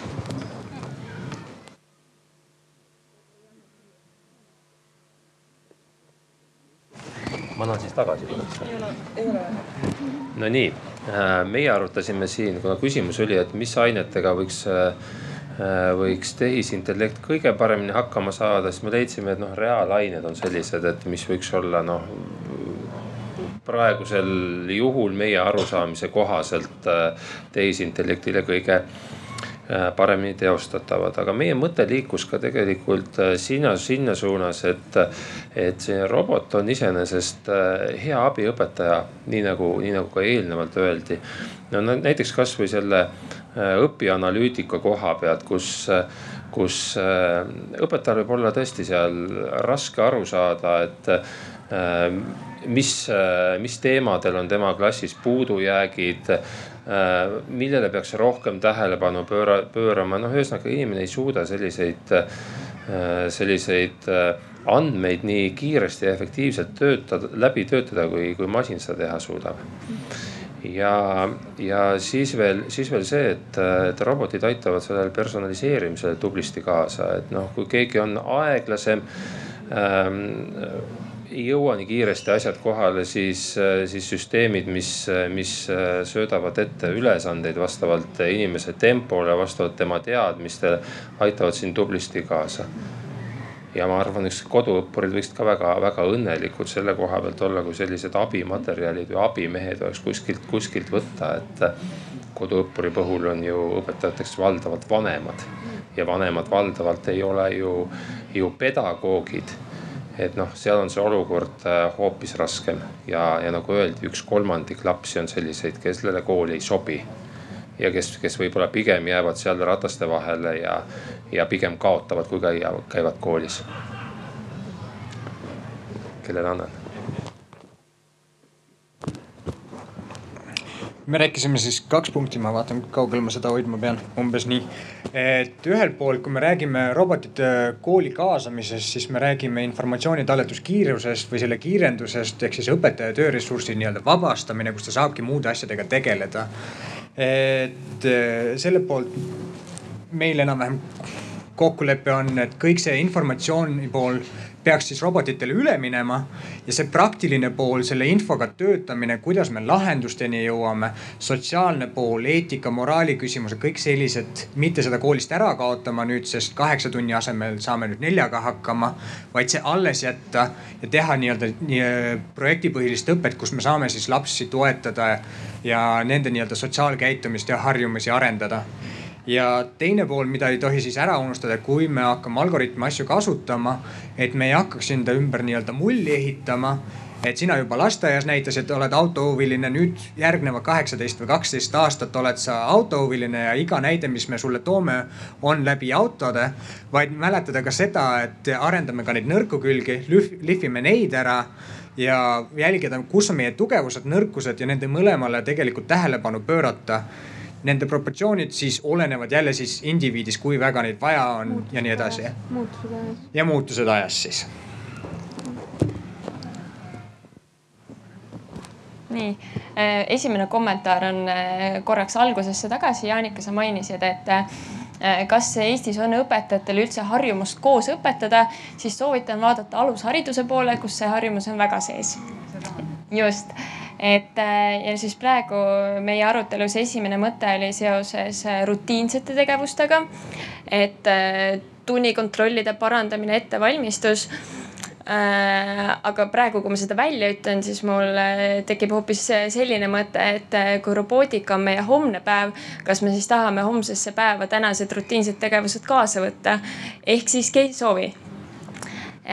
ja teine pool, mis me arutasime, oli seoses mõttega, mis meil juba siin äh, eriolukorra ajal tek tekkis, et äh, kui Eestis on erinevates ainetes oma ala vaieldamatud tippspetsialistid, parimad õpetajad ja need õpetajad, kes on mingis aspektis väga head, aga kõike paratamatult nii hästi võib-olla ei valda.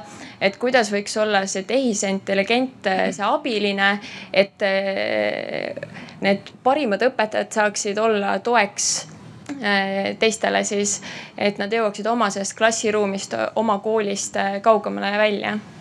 et sellised mõtted ja, et me arutasime siin ka palju asju ja väga palju on ringis juba ka välja öeldud, rutiinsed tegevused ja, ja mingid reaalainete õpetamised.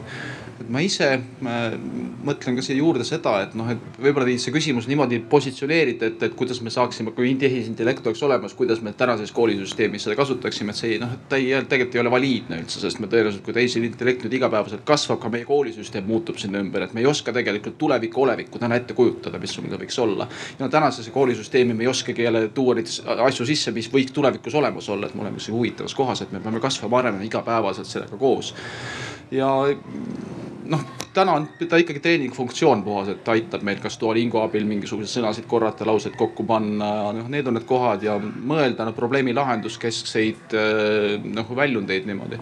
aga noh, eks, eks tulevik näitab, ma arvan, et see koolisüsteem laguneb ka ühel hetkel individuaalsemaks ja, ja personaalsemaks ja, ja, ja lähemale võib-olla selle tööandja soovile ja võib-olla see tööandja mudel väheneb, sest me ei, võib-olla ei tahaks valmistada tööandjale mingisuguseid mutreid ja polte ette. loov isiksus on ikka kuskil seal taga, keda me tahame näha. no vaatame, kuhu see läheb, äge. tere, mina olen Rasmus, mina olen ka robootikaõpetaja kõigepealt vastates teemakohasele üldse teemale, et kas õpetaja või robot saab õpetajat asendada osaliselt jah, ma olen seda juba viis aastat teinud, teen edasi. robot õpetab koos minuga lapsi väga edukalt ja mitte robootikas, vaid hoopis matemaatikas, loodusõpetuses, kunstiõpetuses, muusikas, igal pool mujal. nii et see on täiesti võimalik, pole mingit probleemi, küsimus on loovuses ja tahtes. aga kui me räägime nüüd robotist kui tehisintellektist, siis tänasel päeval on tehisintellekti tase selline, kus me saame eelkõige vaadelda tehisintellekti väga tugevalt andmetöötlus ja analüütika tööriistana. ehk siis mida adekvaatsemad, kvaliteetsemad täpsemad on sisendandmed, mida kiiremini me kätte saame. ehk siis äh, õpilase reflektsioon, kuidas õpilane õpiprotsessis reageerib, mis me nende andmetega saame peale hakata. see aitab õpetajal teha väga palju kiiremini kvaliteetseid otsuseid individuaalse õpiprotsessi juhtimisel ja see on väga-väga oluline. ja tulevikus suudab tõenäoliselt tehisintelligents, tehisintellekt neid otsuseid juba osaliselt teha ka õpetaja eest, sest hakkavad ju välja kujunema ka mustrid mingisugused käitumisraamistikud ja see oleks vast kõige kõvem tööriist õpetajale. sest aega on, noh, ma ei saaks öelda, et aeg on argument, aeg ei ole argument, hariduses ei tohi aeg olla kunagi argument. sest haridus ei tohi olla kiire protsess, vaid haridus peab olema kvaliteetne protsess. aga selles mõistes on aeg oluline, et mida kiiremini saame info kätte, seda kiiremini me saame teha kvaliteetseid otsuseid. sest inimese elukaare mõistes on ju aeg oluline. aitäh. kas nüüd sealt tagantpoolt veel keegi kaasa lüüa midagi?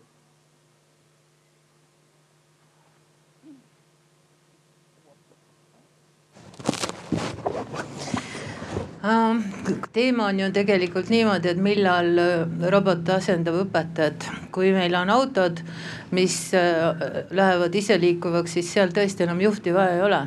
aga me praegu ikka räägime ainult, et see robot on õpetaja abiline. nüüd teine asi et äh, kolmandik õpilasi ei taha koolis käia. aga asi ei ole mitte selles, et, äh, et palju neid lapsi üldse on, kes tulevad kooli sellepärast, et tohutult tore on õppida. Nad tulevad ju kooli tegelikult sellepärast, et koolis on sõbrad. aga, aga kolmandik äh, võib-olla on siis sellised, kes ei sõbrune nii kergesti.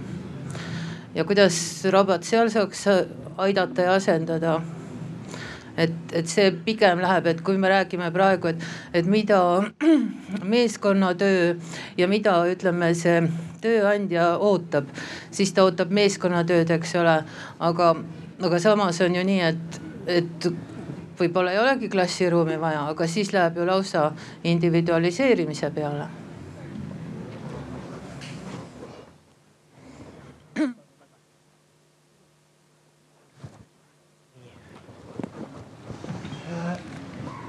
suur tänu kõigile, minu meelest äh, suurepärane ring äh,, väga head mõtted. kas äh,, kas teil on mõtteid või kommentaare kõigi sealt ringist tulnud arvamuste kohta? no minule siin oli üks asi adresseeritud, et see koos õpetamine ja alusharidus et no alushariduses ma olengi viimasel nüüd terve suve tegelesin alushariduse õppejõududega, õpetajatega. Ja see, mis ma ka varem mainisin, et see on väga hea, kui täna alushariduse õpetajad koos õpetades võtavad nüüd selle algoritmi läbi siis kasvõi robotmängu asja ja viivad selle juba kaheaastaste lasteni, kolmeaastaste lasteni. ja mina ütleks, et kui ma nüüd võrdlen täna, kuidas on sellise robootika ja STEM vahendite kasutamisega lasteaias, lasteaiaõpetajate tase ja koolis. et meil on täna pigem see küsimus, et, et lasteaiaõpetajad juba väga palju pakuvad seda ja kui see laps nüüd läheb kooli, et siis ta läheb nagu natukene tagasi, ehk siin ka Rasmus noogutab, et ega sina ka kogu Eestit ära ei päästa. et, et, et ega me ei saa ju hüpata seal haridusinnovatsioonis ka niimoodi, et, et täna meil ei ole midagi ja siis järsku meil on kõik. et, et noh ei taha olla ebapopulaarne ja teooriatest rääkida, aga kuidas nüüd üks innovatsioon, näiteks haridusinnovatsioon, tehnoloogiline jõuab siis tegelikult noh, nii-öelda masskasutusse on ikkagi kõigepealt see, et kõigepealt on see noh, diffusion ehk tutvustamine nendele potentsiaalsetele kasutajatele, nad siis kõik teavad, et mis me nüüd sellest kasu saame. et meile tuleb algoritm ja, ja kui vanalt meile see algoritm tuleb, võib-olla juba kaheaastaselt tuleb, juba sünnitusmajast tuleb, siis järgmine asi on see, et need, kes hakkavad selle algoritmiga koos õpetama, nende poolt peab toimuma selline acceptance, et nad peavad olema nõus sellega.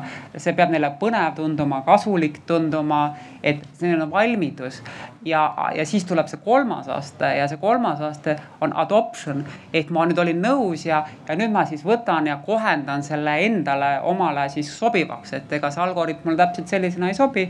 mulle sobib juba kohendatud algoritm ja alles siis neljas aste on see, et no mida me kutsume jätkusuutlikkuseks või siis me võime ka ütelda, et see muutub meie õpetamise praktikaks, et nüüd on küsimus selles, me ei pääse sellest neljast faasist mööda. et, et kui me tahame sinna jätkusuutlikkusse või õpetamispraktikasse jõuda. et küsimus on nüüd selles, et mida me täna kohe saame ära teha, et toimuks see diffusion või ehk siis potentsiaalsele kolleegile tutvustamine, kes see seda peaks tegema.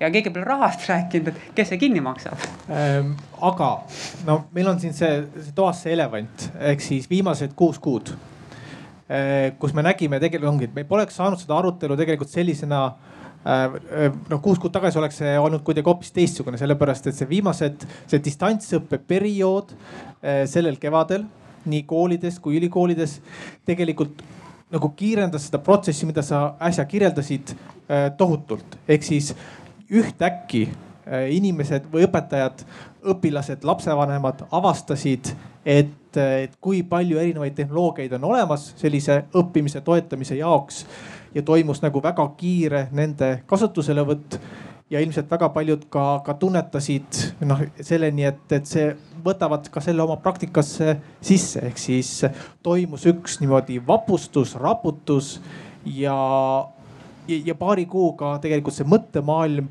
tegelikult muutus selles osas, et mis on meie vajadused, mis on meie suutlikkus ja nii edasi. ehk siis et, et see protsess tegelikult võib käia väga-väga kiiresti jah, aga noh ma nüüd jälle räägin oma doktoritööd ette, et tulge ikka järgmine aasta mu kaitsmisele, eks ole. aga et, et kui ma räägin sõnast jätkusuutlikkus, eks ole, sustainability. et üks on see, et ma räägin, et see on see neljas faas, aga teine on ju selles, et, et jätkusuutlikkus tähendab ka ressursi jät-, noh ressursisäästlikku kasutamist. ja õpetaja aeg, et on väga-väga väärtuslik ressurss täna, kui vana on meie õpetaja, kui kogenud on meie õpetaja, kui vähe neid on. ja, ja kahjuks noh, vähemasti minu töös öeldakse niimoodi, et on see äh, haridusuuendused, mida me siis topime õpetajatele söögi alla ja söögi taha, et me muudkui varustame tehnoloogiaga, me ei varusta selle noh, selle, et mis me teeme siis sellega kuidas me koos õpetame. et ikka üheksa kümnendikku läheb aia taha, et küsimus on selles, et kas me nüüd täna, kui me tahame selle algoritmi tuua, et kas me saame lubada seda, et, et üheksa kümnendiku algoritmi kooli toomisest läheb aia taha ja võib-olla kunagi see üks kümnendik tuleb selle tõttu, et see ajasurve on selline, ta niikuinii tuleb. et kas me nagu siin saame midagi, midagi teha.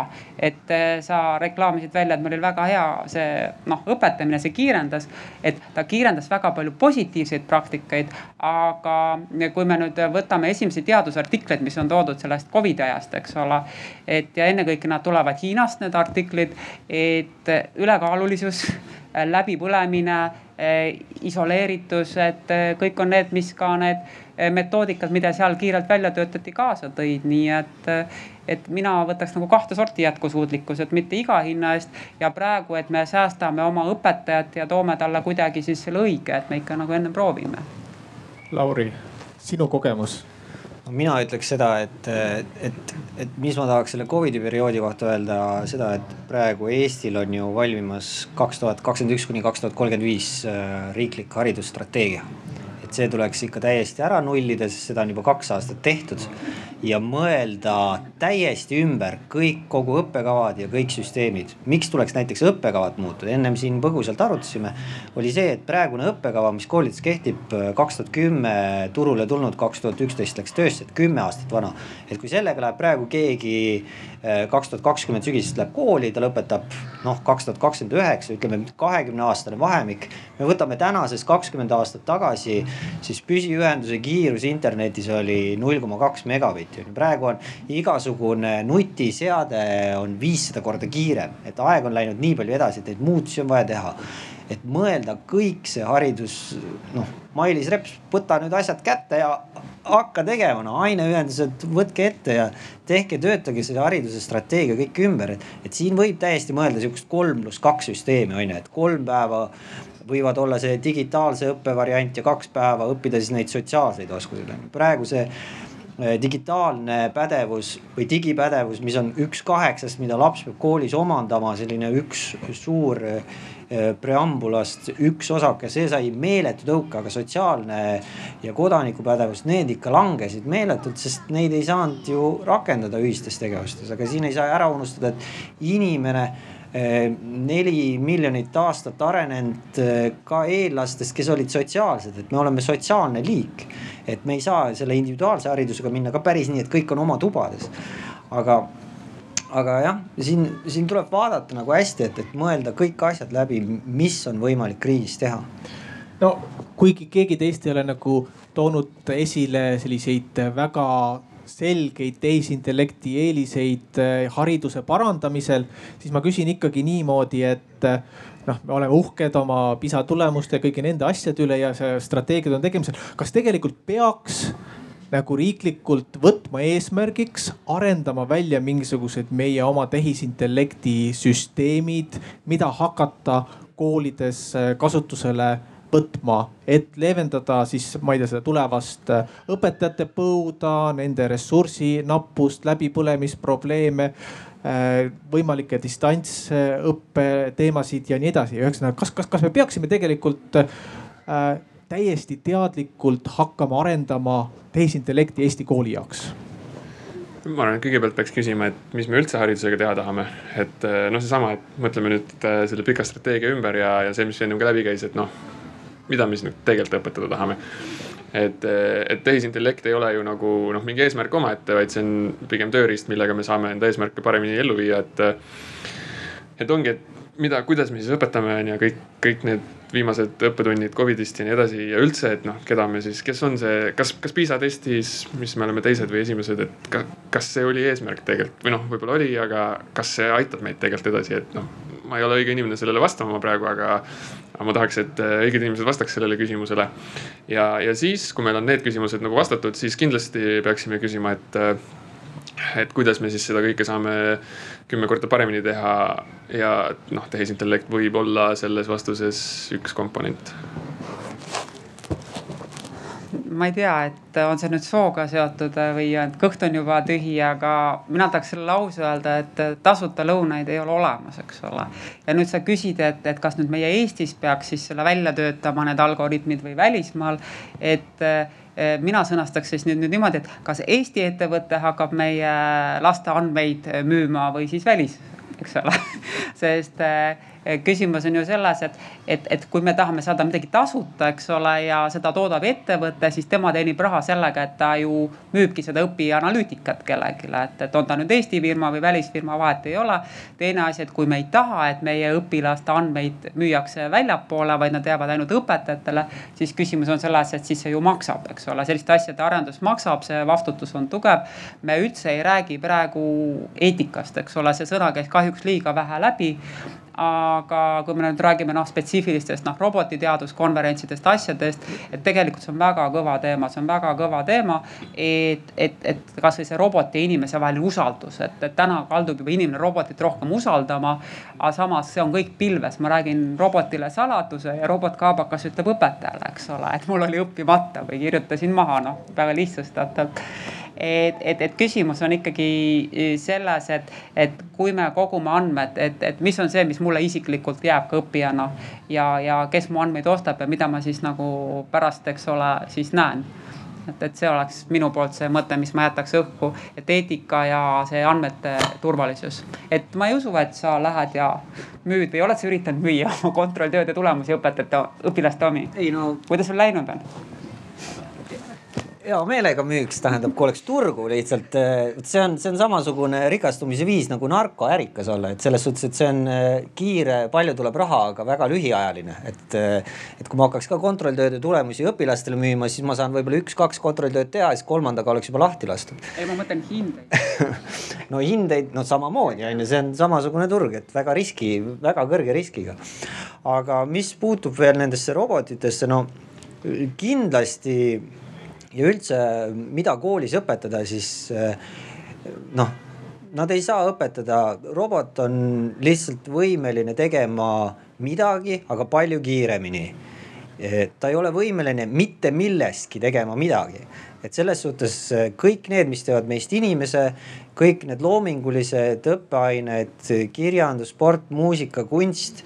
Need on need, mida robot meile õpetada ei, ei saa selles suhtes, et ta ei suuda õpetada meid mõtlema seal, et, et need on need, mida ta asendada ei suuda ma hea meelega kommenteeriks, vastaks viimasele küsimusele, mulle väga see intrigeeriv küsimus meeldis. ehk siis, et kas üleüldse peaks sellist tehisintellekti looma hakkama hariduse mõistes. ja mina olen see, kes väidab, et jaa, peab küll. ja väga lihtne põhjus on tegelikult selleks, ma saan teile, ma arvan, üsna julgelt lubada tehnoloogiateadliku kodanikuna. et kui me suudame seda arendada, siis on meil kohe olemas seitse miljardit klienti ja me ei pea mitte kunagi fosforiiti oma maopõuest välja võtma. väga hea, aitäh Äh, veel tegelikult ma pakun seda mikrofoni siin teile, et oma kogunenud mõtteid äh, veel jagada. et andke aga märku ja räägime. mul oleks pisikene aspekt veel, mida ma sooviksin diskussiooni kuulda teiepoolselt, et Tesla tegi oma töötajatele enda kooli Ad Astra. et kas te olete kõigepealt sellega, äh, sellest kuulnud? Äh, okei okay., ehk siis Tesla, Elon Musk avastas, et meie koolisüsteemid, USA koolisüsteem ei ole piisavalt hea, ta ei tooda tulevikuks vajaminevaid inimesi. ja ta lõi terve kooli, mis põhineb projektipõhilistel õppetel. ehk siis puudub selline kindel matemaatika, füüsika, keemia, vaid sulle antakse ülesanne ja sa pead selle grupiga või üksinda siis ära lahendama kas see oleks ka see haridussuund, mis võiks Eestis edasi liikuda, et selle asemel, et teadmisi pähe tuupida, me anname neile ülesande ja see, kuidas nad sinna lahendusi jõuavad, on nende teha. läbi selle me arendame siis kunsti, innovatsiooni ja kõiki muid vajaminevaid oskusi. oma ajutöös ka see, see on kindel teema, et, et kui, kui, kui ma näen õpetajat, kes ütleb, et äh, õpilase motivaator on eksam, siis ma tahaks lihtsalt minna ta kõri kallale. Selles suhtes, et see on väline motivaator. see ei pane nagu sisemiselt tööle, et, et praegu see eksamite diskussioon oli samasugune, et no lihtsalt noh, ei taha kinni minna lihtsalt. Põhimõtteliselt on mõte küll selline, aga tõesti kõiki igasuguseid äh, ka näiteks põhikoolist gümnaasiumisse mineku sisseastumiskatsed Neil ei ole vaja teha neid matemaatikateste, lahendage asi sellises rakett kuuskümmend üheksa või ajujaht või garaaž neljakümne kaheksa formaadis ära.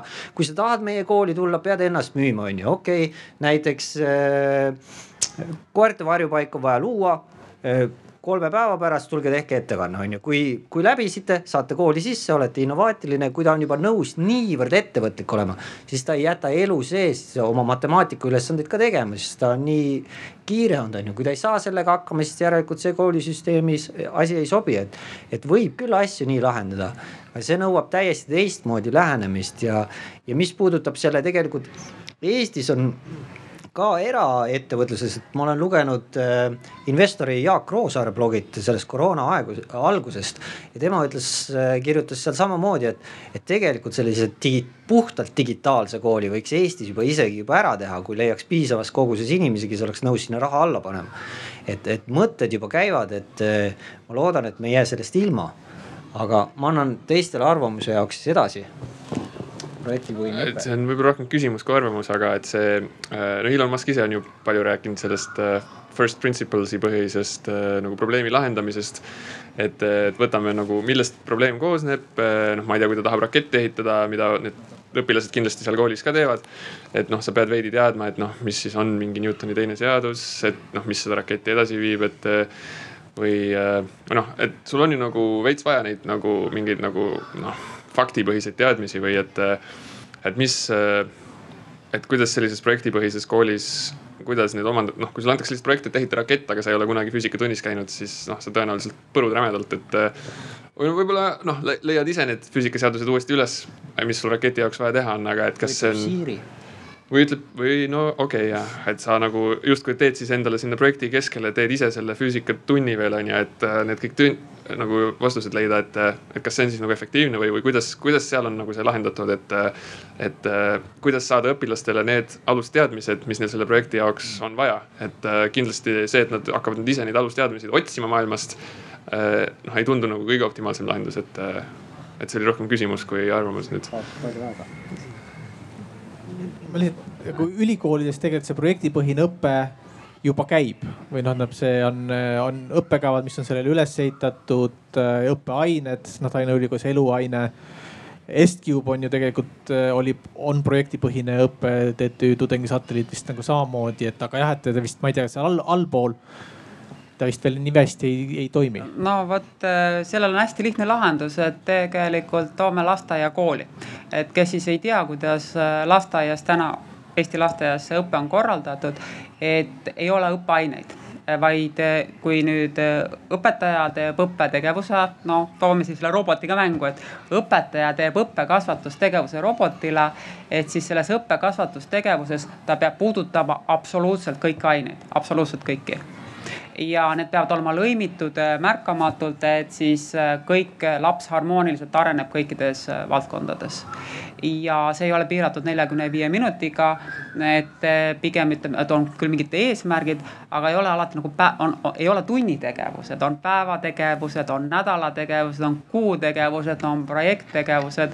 ja vot, kui me tooksime selle, mis meil on juba täna lasteaias kooli, minu arust oleks nagu imeline siin on muidugi seadusandluslik äh, klõks, et äh, siin tuleb ära muuta määrus, et põhikooli lõpus peavad olema hinded, on ju, ja gümnaasiumi lõpus, et.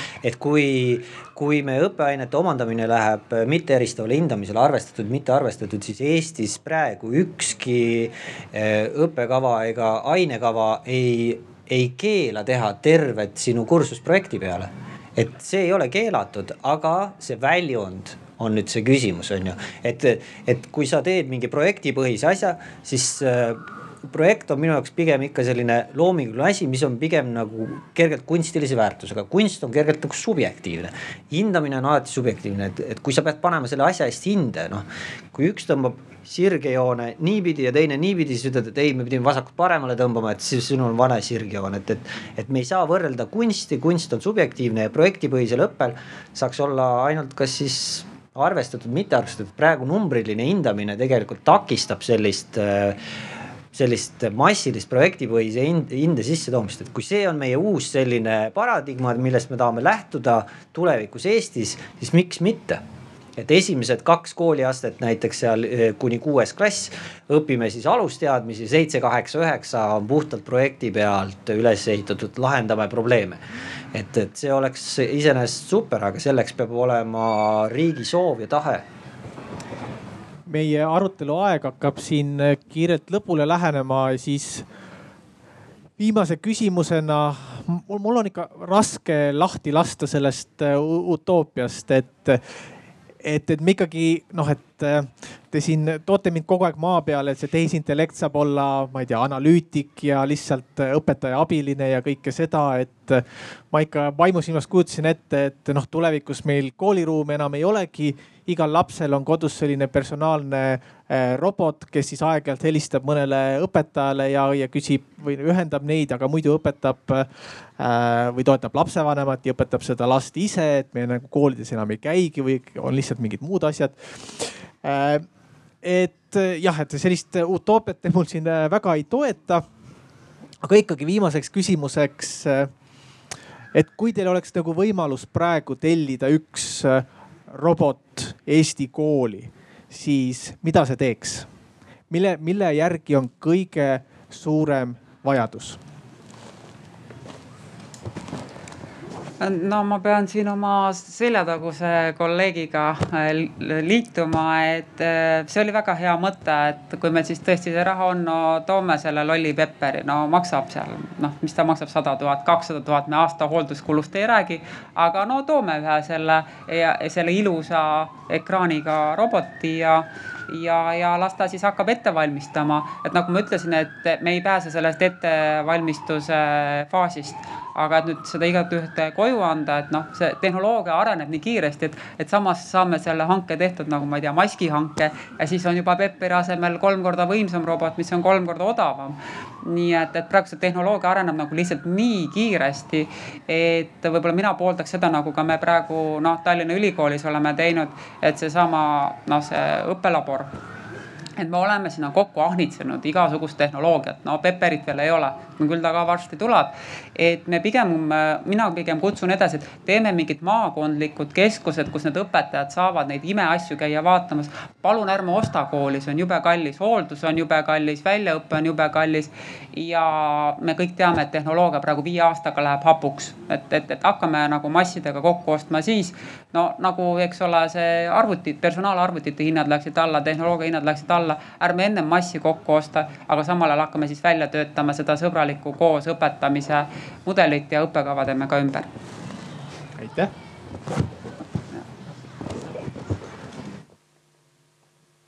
kas ma tohin siin natukese kommenteerida, kui me mõtleme nii-öelda mitte kritiseerida, aga kritiseerida. et kui me mõtleme sellega, et alati ootame, sest parem innovatsioon on tulemas. Siis on kogu aeg see hetk, kus me oleme kogu aeg sammu maas ehk siis selleks ajaks, kui nüüd tehisintellekt on piisavalt odav, et koolid saaksid seda endale omandada on meil ilmselt juba järgmine tase igasugustele küborgitele, kus me saame oma aju otseselt arvutiga ära ühendada. Et kas me pigem siis, kui me näeme, et me suudaksime nüüd tehisintellekti osta, et pigem natukese veel ootame, et me saaksime selle Neurolingi või nii-öelda aju otseselt arvutiga ühendada. kas siis pigem selleni oodata ja mis siis järgmine samm on et kui me kogu aeg seda otsust nii-öelda edasi lükkame, siis eh, kus kohas, kuhu jääb areng kui selline? No iseenesest oleks tore, kui tulevikus oleks ka selline isemõtlev küborg, et meil on kahte tüüpi mõtlemist, üks on sihuke kiire motoorne on ju, et kui näed punast tuld, jään seisma, ei lähe üle teed. teine on selline aeglane, millega me loome, lahendame ülesandeid. et kui me suudaks ka tulevikus töötada välja sellise teise astme küborgi, me lahendaks kõik probleemid ära, on ju mis on näiteks tumeaine, tumeenergia kosmoses, kuidas seda kasutada, kuidas liikuda valguskiirusel ühelt planeedilt teisele. no kõik sellised asjad ta teeks ju ruttu ära. Aga meil parasjagu sellist ei ole, et, et me peame leppima sellega, mis meil on. Aga kindlasti sellel on jumet, et eh, vaikselt arendada ja, ja praeguses tehnoloogia võtmes järgmine samm oleks muidugi sihuke nagu on eh, see iPhone ides see Siri, et Siri, vali mulle Marta number ja valib et äh, võiks olla ka, et, et, äh, et meil on selline rakendus lihtsalt igale ühele, et, et mul on vaja kirjutada analüüs, arutelu, on ju.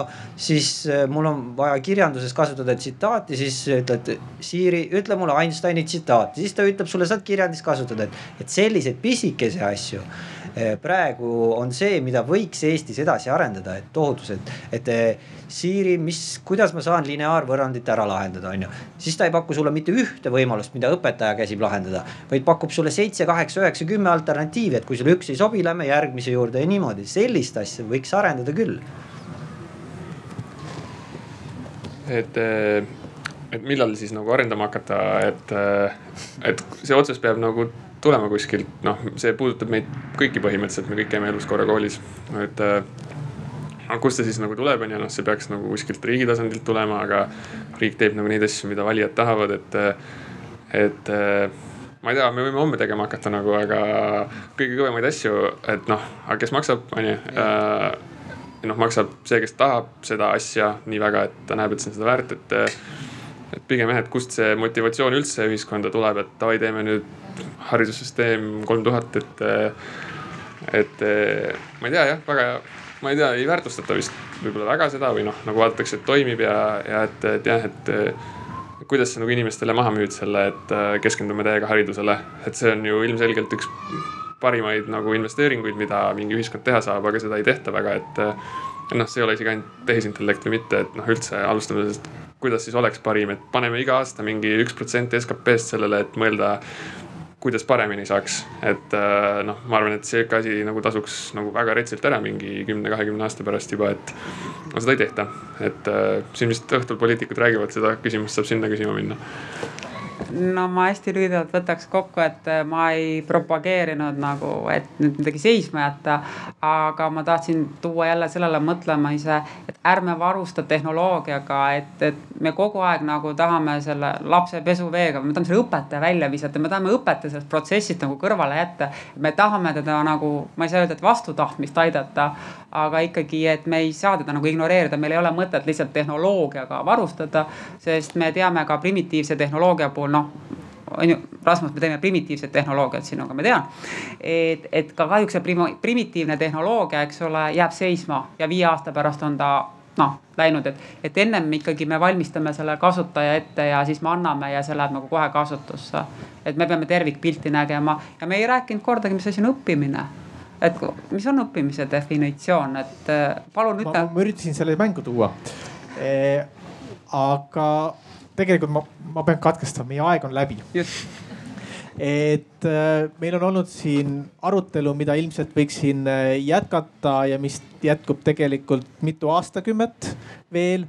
et kool ja tehisintellekt ja tehnoloogia, need pinged jäävad me kuulsime siin täna mõningaid neid, neid, neid liine me saime aru, et õpetaja roll on ikkagi väga oluline, aga õpetaja vajab abi.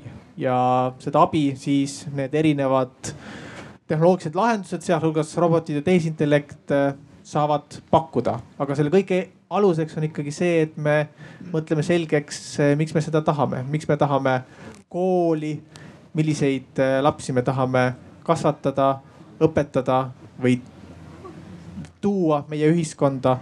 Ja siis me saame vastavad tehnoloogilised vahendid äh, välja töötada.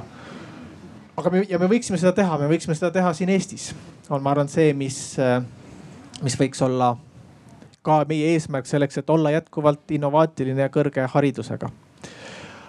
ma tänan teid, tänan äh, meie kolme kutsutud osalejat ja kõiki teid, kes te siin vastu pidasite, kaasa mõtlesite, kaasa rääkisite.